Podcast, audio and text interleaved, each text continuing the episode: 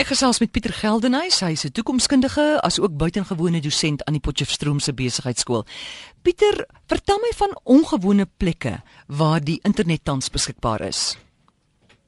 Maar ons miskien wil eers begin by die gewone plekke en in die werklike realiteit is dat die internet reg rondom ons is. Ons kan nie die internet syne sien nie, hmm. maar daar is verskeie frekwensies en modulasie tegnieke wat ons toelaat om die as ons na ons vinger kyk presies waar die punt van ons vinger is kan ons letterlik op miljarde webwerwe ingaan of verskeie internetbronne kan ons ontgin. En die internet is reg reg voor ons wat ons eintlik die laaste paar jaar begin gebruik het die slimfone en tablette is om onmiddellike 'n manier te kry om hierdie onsigbare syne om te skakel in syne wat ons kan hoor en wat ons kan sien. En dit beteken dat maak nie saak waar ons is nie Ons is gekoppel aan die internet. Natuurlik die koste en die spoed waarmee ons kan koppel is belangrik, maar selfs in die middel van die oseaan kan jy op die internet koppel, want meeste satelliete gee vir jou die vermoë dat jy al is dit 37000 km verder, kan jy via satelliet met op die internet kom. So daar is eintlik nie 'n plek op aarde waar jy nie internet sien nie. Dit hang net af van hoe hoe duur dit is en, en hoe, hoe vinnig jy op internet kan koppel. So daar is nie eintlik ongewone plekke meer op aarde nie, maar daar's 'n paar interessante plekke waar ons die internet gebruik van ons wat nie nie, nie, nie natuurlik aan sal dink nie. Hoe lyk die internet in die buitenste ruimte? So 'n paar jaar gelede het mense gesê, kan die internet is 'n wonderlike protokol as jy kort afstande het. Want hoe die internet werk is jy het 'n klompie data wat jy oor die internet stuur en dan wag jy dat 'n pakkie moet terugkom van die plek van die punt waar jy gestuur is. Jy het 'n hele klomp nodes. Jy stuur hom van hier van node A tot by node by node X en dan moet X deur al die alfabetnodes terugkom na jou toe. En hierdie twee rigting kommunikasie is baie moeilik in in die buitenste ruimte. Want jy stuur 'n pakkie en dan moet jy wag dat die pakkie terugkom en daarom het jy 'n ander protokol nodig. So die mense by NASA en hele paar in die Europese uh, ruimteagentskap het gekyk na 'n nuwe protokol waar ons dan satelliete met mekaar kan kommunikeer oor langer afstande of selfs die Mars rover met ander uh, toerusting in die ruimte kan kommunikeer op 'n nuwe protokol. Ja, die basis van die internet is daar, maar dit is 'n bietjie anders lyk as gevolg van die lang afstande.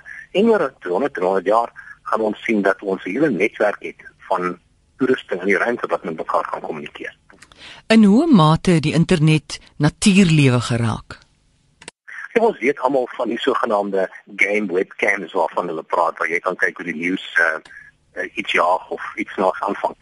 Maar die ehm um, klop navorsing word ook gedoen deur data te versamel. Want baie keer is 'n afgeleë eiland in die middel van niks nêrens. Dit is baie moeilik om byvoorbeeld navorsing te doen oor bedreigde voëlspesies. En wat ehm um, die kundiges te gedoen het op die op die vlak is om 'n protokol te gebruik met die naam Zigbee. Nou Zigbee, uh, as ek dit vinnig kan verduidelik, sê maar in die ou dae jy wil jou brandblus, maar jy het nog nie tuinslange gehad nie, jy moet 'n emmer vanaf een plek na 'n ander plek kry. Dan is dit baie makliker om vir hele lang ry mense te gee en dan gee maar emmer aan so van die een persoon na die ander persoon. En dit is dieselfde beginsel waarop hierdie Zigbee tegnologie werk. Jy het byvoorbeeld nie 'n sentrale sender nodig waar waarmee jy moet kommunikeer. Byvoorbeeld met my selfoon, moet ek direk met 'n toring praat.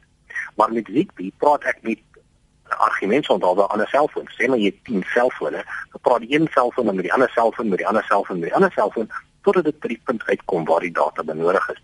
So op hierdie eilande waar hulle navorsing doen oor voëls, het hulle dan hierdie klein stukkie apparaat en sensors. Dit word met 'n uh, normale uh fotovoltaïese selle aangedryf. So jy kry energie deur die son en dan praat hierdie een sensor met die sensor wat so 100 meter weg is en hy praat met 'n ander sensor totdat al die data by sentrale plek in mekaar kom. En daar kry hulle data oor temperatuur, humiditeit, wind ensovoorts om te bepaal hoe kan hulle hierdie bedreigde voëlspesies se eiers um, in in in kunsmatige omstandighede ehm um, kan help om die spesies te red. So ons kry die internet op afgeleë eilande waar hierdie sensors met mekaar gesels. Uh nog 'n interessante plek waar die internet sal kry. Ja, die internet het dan ons lewens op alle vlakke geraak. Ek meen, vat nou byvoorbeeld gesondheid. Ja, definitief. Daar baie interessante uh, voorbeeld uh, so jaar terug het daar 'n uh, pil uitgekom wat op die internet gekoppel is. Dit die sogenaamde proteespil. Dat die proteespil gebruik die energie binne in jou maag om om energie te kry om te kommunikeer. So aan een kant is magnesium en aan die ander kant is koper en dan 'n klein sensor in die middel. So jou maag vat gee eintlik energie aan die sensor en dan kan jy jou bloedsomloop en jou temperatuur kan jy dan laat kommunikeer met uh, 'n uh, slimfoon in jou hand. So jy kan dit toep op jou slimfoon en dan hmm. sê gee vir my asseblief nou 'n idee van hoe lyk die die maagsure in my maag, wat die temperatuur is, hoe lyk my bloedsomloop en dit is dan 'n klein pilletjie wat jy ingeflik het wat hierdie inligting aan jou slimfoon stuur. So selfs jou uh, maagse ingewande kan aan die hmm. internet gekoppel word as jy regtig wil. Dis ongelooflik. En dan die impak van internet op landbou. Ehm um, oh, die boere in Suid-Afrika is regtig leiers op presisie um, landbou. Hulle gebruik GPS en so aan om, om uit te vind hoeveel kunsmis om te gooi op, op presiese watter plek in jou land om 'n uh, groter opbrengs te kry. Dit is al daar vir die laaste 10 jaar. So die internet en GPS word al lank al gebruik in Suid-Afrikaanse boerdery. Mm. Maar ander ding wat baie mense van weet is dat die meeste koeie ook aan die internet gekoppel is. Nou nie altyd nie, maar sekere dele van die tyd. Mm. Daar sekere koeie wat permanent gekoppel is, want as jy sien die koeie hardloop op 'n snaakse manier rond, dan dink jy o, gat, ek dink hulle is hulle is onrustig of, of hulle word miskien gesteel. Maar party ander koeie het 'n klein skyfie in hulle ore. Ons noem die skyfies RFID skyfies of radiofrekwensie identifikasie skyfies.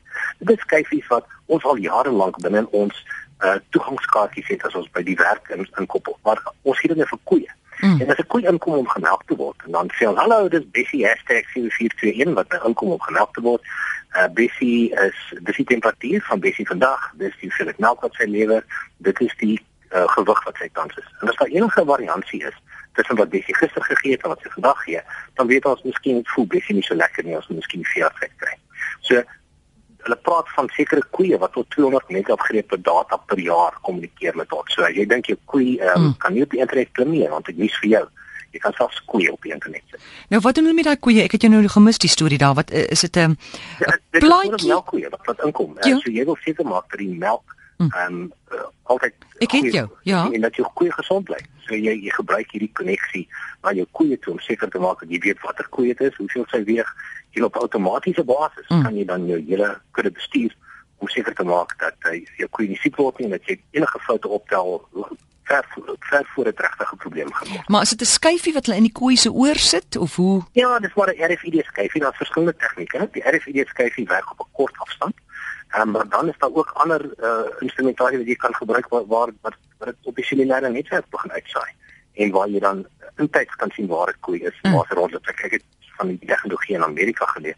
Ek weet 'n klomp mense bekommer daaroor veral in terme van diefstal, maar uh, ek hmm. het nog nie die tegnologie in Suid-Afrika uitgerol. Want ek dink veral in die probleem wat ons het met met jakkalse wat die wat die skaap so vang. Ja. En wat wat uh, gebeur is jy kan dit byvoorbeeld aan 'n paar van die uh skape binne hmm. jou top sit en as dit op 'n sekere manier begin beweeg, dan hmm. word die informasie uitgestuur en 'n rekenaar sal dan bepaal die beweging is nie normaal nie en dan 'n alarm vir jou stuur en SMS vir jou stuur. So daar is 'n paar interessante hmm. proeflopies wat in Amerika gedoen word juis op hierdie gebied. Soos nog nie in ons land nie. Ek het nog van hierdie gehoor nie. Ja. Dit kan hier wees. Ek het net in die buiteland af. Ja. Heng, dis interessant. Dankie Pieter. Alvermooi. Dis Pieter Geldnys en ons het gesels oor vreemde plekke waar jy die internet sal aantref.